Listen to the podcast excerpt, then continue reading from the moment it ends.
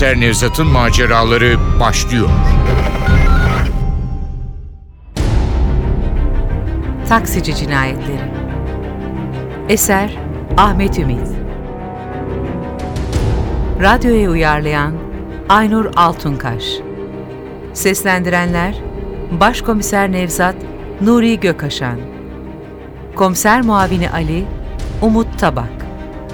Ekrem Rüzgar Akson Taksici Cengiz Daner Bünyamin Mutlu Albayram. Cinayet zanlısı Orçun İğnemli. Mustafa amca Ender Yiğit. Rüstem Erkan Taşdöğen. Nurhayat Dilek Gürel. Ses Teknisini Saniye Tekinbaş. Efektör Ufuk Tangel. Yönetmen Aziz Acar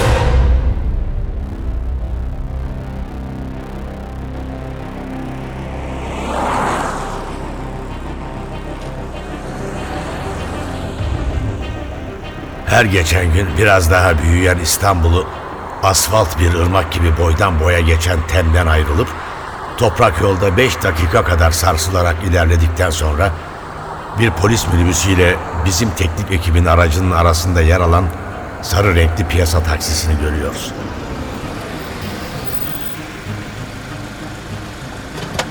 Geçen ayda aynı yerde bir taksici öldürülmüştü. Aynı katilin işi mi?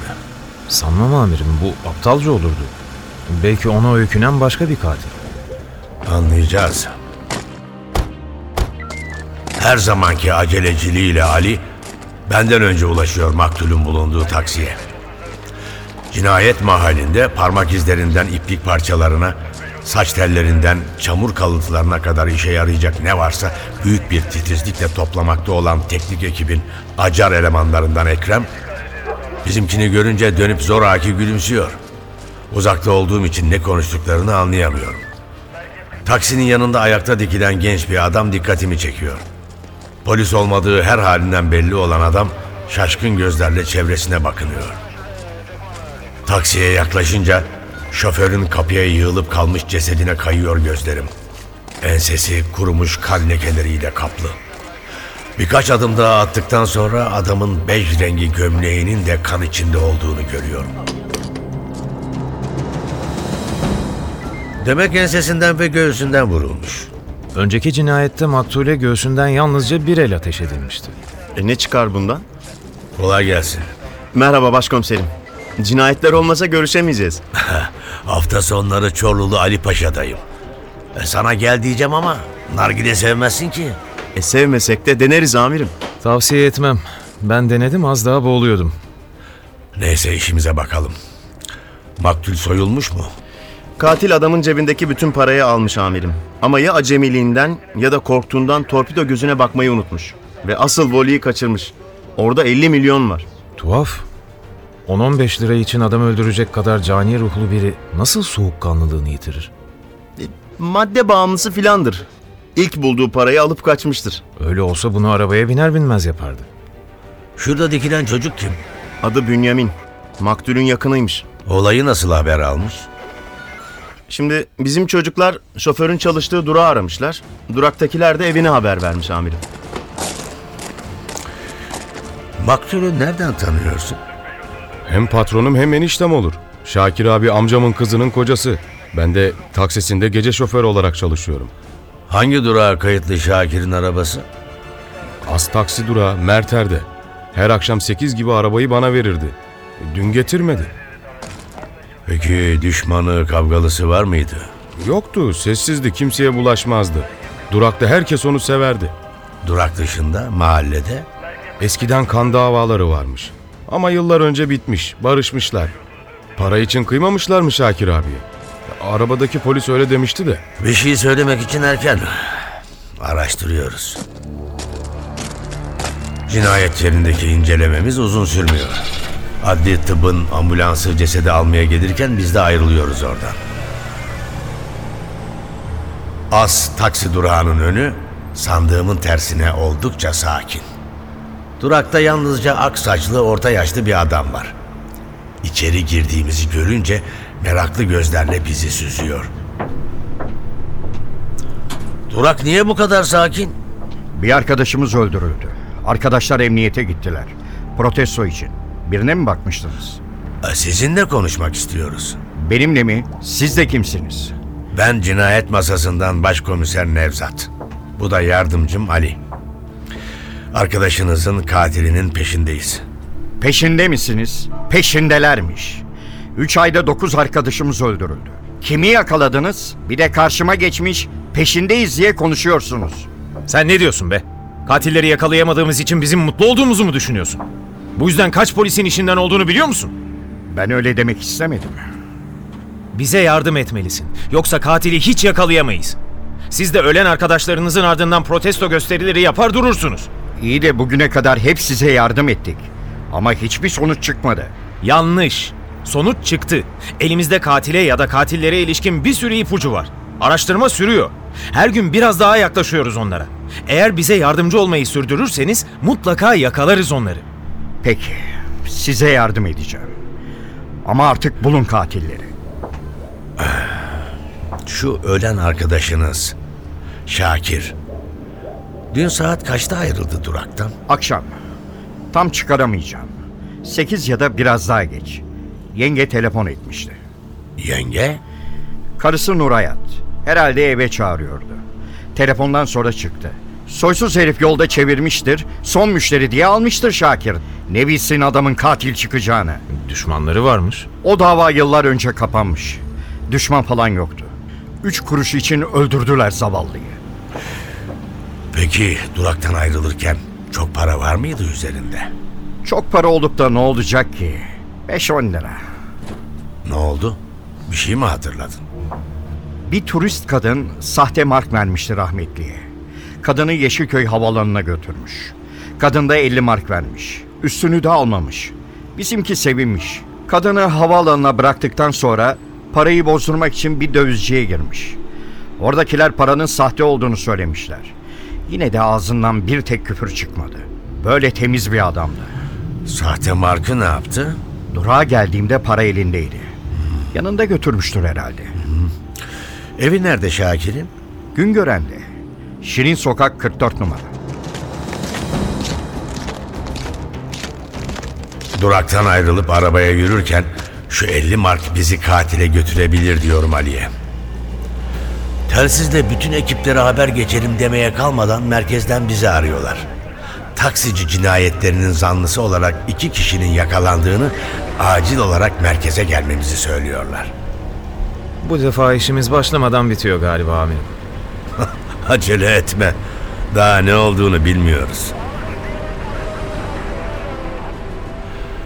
Ali bir şey söylemiyor ama içinden ne kadar kötümser bir adamsın diye geçirdiğine eminim. Merkezde zanlıları iki ayrı odada sorguluyorlar. 18 yaşlarında biri esmer, biri kumral, iki gece kondu çocuğu. Gaspçılık yapıyorlar. Kendilerini geleceğin mafya babaları olarak görüyorlar. Biraz sıkıştırınca esmer olanı korkmaya başlıyor. Henüz çözülmese de ürkek bakışlarla süzüyor çevreyi. Silahın arkadaşına ait olduğunu söylüyor. Kumral olanınsa gözlerinde korkunun zerresi yok. Sorulara dik dik yanıtlar veriyor. Bu yüzden de bizim çocuklar iyice tozunu silkeliyorlar oğlanın. Ama kimin umurunda? İki saat kadar oyalıyor bizi. Ancak balistikten sonuçlar gelmeye başlayınca üç taksici cinayetinin sorumlusu oldukları kanıtlanıyor. Üç cinayette de cesetlerden çıkan kurşunlar bunların barettasından atılmış. Ayrıca üç takside bulunan parmak izleri de bu iki serserininkiyle uyuyor. Ama bu üç cinayete bizim Şakir'inki dahil değil. Ne parmak izleri ne de kurşunlar birbirine uyuyor. Kanıtları açıklayınca esmer olanı konuşmaya başlıyor.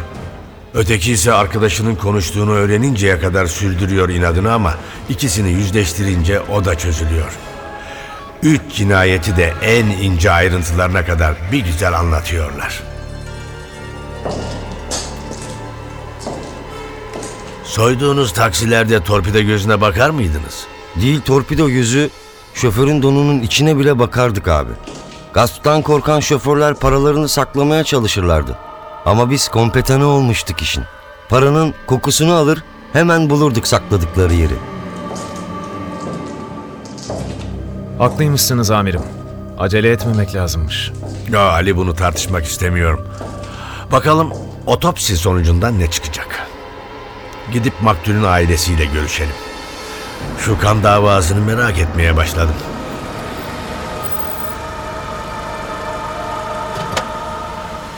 Güngören'de dört katlı bir binanın giriş katında oturuyor Şakir'in ailesi.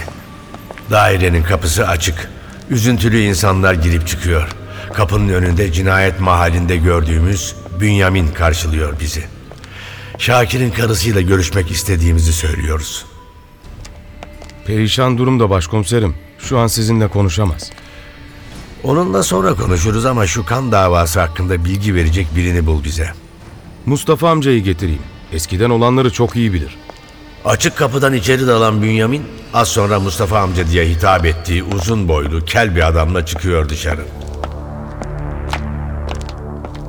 Şu kan davası onu öğrenmek istiyoruz. Eski bir mesele. Eski meski sen yine de anlat. Dava tarla sınırı yüzünden çıktı. Karşı taraf Zeylek ailesi tarlasını gasp ettiği için Şakir'in babasını vurdu. Bir yıl sonra da Zeyleklerin en büyük oğlu öldürüldü. Suçu o zamanlar henüz 14 yaşında olan Şakir üstlendi. Üstlendi ne demek? Yani bir başkası mı vurdu adamı? Yo öylesine söyledim. Şakir vurmuş. Sonra araya köyün ileri gelenleri girdi.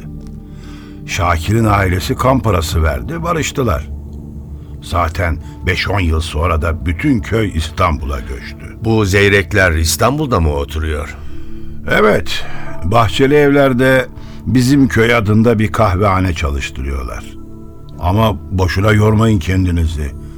Bu işin arkasında kan davası falan yok. 3-5 kuruş için öldürdüler Şakir'i. Kahvehanenin adresini alıp çıkıyoruz. Bizim köy iki girişli oldukça büyük bir kahvehane. Kahvehanenin sahibini sorunca Rüstem adında 40-45 yaşlarında kara yağız bir adama götürüyorlar bizi. Kendimizi tanıtıp Şakir'in öldürüldüğünü söylüyoruz.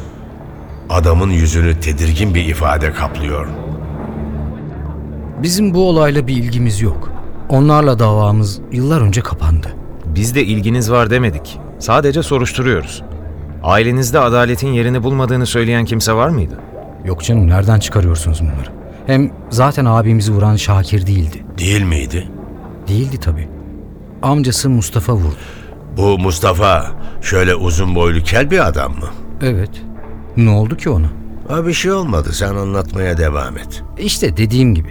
Yaşı küçük, az ceza alır diye suçu Şakir'e üstlendirdiler. Ama 3 yıl sonra ilahi adalet tecelli etti. Mustafa'nın karısıyla 6 yaşındaki oğlu bir trafik kazasında öldü. Alma mazlumun ahını demişler. Biz de bu olaydan sonra Mustafa'yı Allah'a havale ettik. Bu dünyada olmazsa öteki dünyada Hak Teala cezasını verir nasıl olsa. Aranızda kan davasını sürdürmek isteyen kimse var mı? Hayır kimse yok. Olamaz da. Hangi çağda yaşıyoruz? Kahvehaneden elimiz boş dönüyoruz. Ertesi sabah teknik ekibin bilgileri de geliyor. Otopsi sonucuna göre Şakir ensesine sıkılan tek kurşunla öldürülmüş. Ama nedense katil yetinmeyip bir de önden ateş etmiş. Bir ay önce işlenen cinayete benzetmeye çalışmış. Bence bu cinayet para için işlenmedi. Öyle görünüyor Ali. Ama yine de kesin konuşmak için erken. Gidip Şakir'in karısıyla bir görüşelim. Bakalım o ne anlatacak. Ee, nasıl bugün konuşabilir miyiz amca kızınla? Olur başkomiserim. Buyurun sizi içeride küçük bir oda var ya oraya alayım. Birazdan Nur Hayat'ı da yanınıza getiririm. Küçük bir divanla iki yüklüğün sığdırıldığı odada fazla beklemiyoruz. Az sonra önde Bünyamin, arkasında çekingen gözlerle bizi süzen genç bir kadın giriyor içeriye. Başınız, Başınız sağ sağ olsun. E, siz sağ olun. Kocanız öldürüldüğü gece en son sizinle telefonda konuşmuş. Eve gelirken ekmekle yoğurt almasını söylemiştim. Her zaman aynı saatte mi gelir eve? Evet, e, önce taksiyi Bünyamin'e bırakır, sekiz buçukta evde olur. O akşam başka bir yere falan uğrayacağını söyledi mi? Yok, söylemedi. Ee, siz nasıl evlendiniz bu adamla? E, gelip istediler, anam da verdi beni. Başka isteyen falan yok muydu seni? Talibi çoktu Nur Hayat'ın. Hiçbirine varmadı. Kısmet Şakir abiyeymiş. Bünyamin konuşurken iki gencin birbirlerine ne kadar benzediğini fark ediyorum. Onların küçüklükleri geliyor gözlerimin önüne. Dere boyunda, harman yerinde koşturan iki çocuk. Sonra büyüyorlar. Büyüyünce de... Nur hayatı alamayanlardan ısrarcı olanlar çıkmadı mı hiç? Hani kara sevdaya tutulup da kızdan vazgeçmeyecek biri. Yok, öyle biri yoktu. Hem olsa da buna cesaret edemezdi. Biz yoksuluz ama namusumuza düşkünüz. Öyle bir işe kalkanın gözünü oyarız.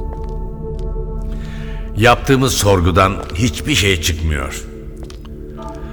Ama merkeze döndüğümüzde sahte 50 marklık banknotun bu sabah Bakırköy'de bir döviz bürosunda bozdurulmak istendiğini öğreniyoruz. Döviz bürosunda çalışan adam paranın sahte olduğunu tespit edip el koymuş. Polise haber verecekken parayı getiren genç adam banknotu orada bırakıp kaçmış.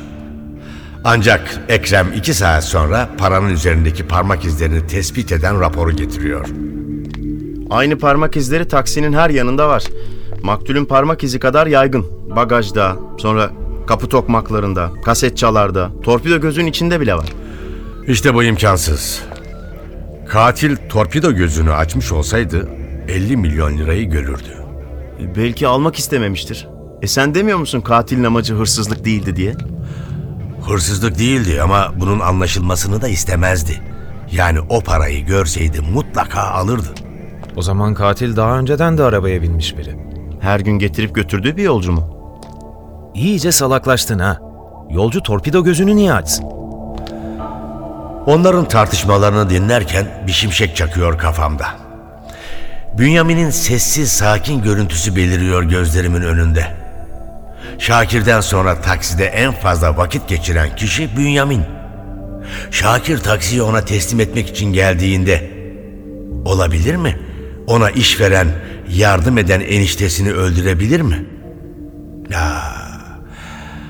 Nur hayatı sevgiyle sürüşünü anımsıyorum. Amca kızının da ona hülyalı mahcup bakışlarla karşılık verişini. Hadi cenaze evine gidiyoruz. Düşündüğüm doğruysa katili bulduk. Cenaze evindekilerin parmak izlerini alalım diyorsan biraz uzun sürer başkomiserim. O kadar yorulmana gerek yok. Bünyamin'in parmak izini almak yeterli olacak. Şaşkın şaşkın yüzüme bakıyorlar. Ama beni izlememezlik de edemiyorlar. Bünyamin'i merkeze alıyoruz. Çocuk sağlam çıkıyor. Bağırma, çağırma, sille tokat bana mısın demiyor. Her şeyi inkar ediyor. Ama parmak izlerinin kendine ait olduğu anlaşılınca, üstelik döviz bürosundaki adam da görür görmez onu teşhis edince, itiraf etmekten başka çaresi kalmıyor. Küçüklükten beri aşıkmış amca kızı Nur Hayat'a. Anladığım kadarıyla kız da onu seviyor. Köylerde akraba evliliği görülmemiş iş değil. Ama Bünyamin yoksul. Kızcağız gün görsün diye kendinden yaşlı ama İstanbul'da bir evi arabası olan Şakir'e vermişler. Köyden İstanbul'a gelin gitmiş Nur Hayat. Gözü görmeyince gönlü katlanmış. Ama Bünyamin birkaç yıl sonra İstanbul'a gelip de amca kızıyla yeniden karşılaşınca alevlenmiş sevdaları. Tek engel de yaşlı koca. Üstelik onu öldürdüklerinde takside evde genç sevgililere kalacak. Her şeyi ben yaptım. Nur Hayat'ın hiçbir şeyden haberi yok. Ama bana kalırsa kız da işin içinde.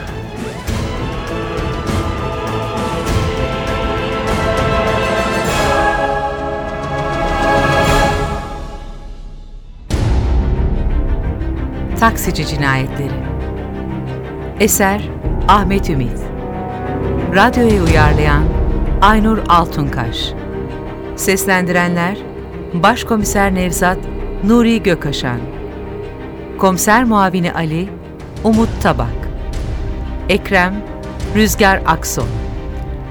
Taksici Cengiz Daner.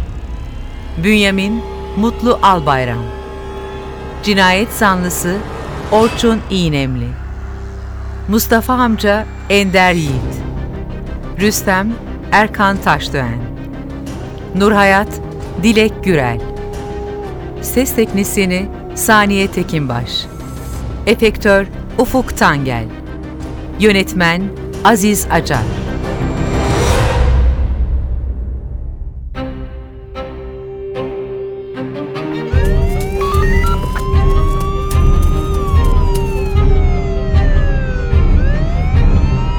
Komiser Nevzat'ın maceraları.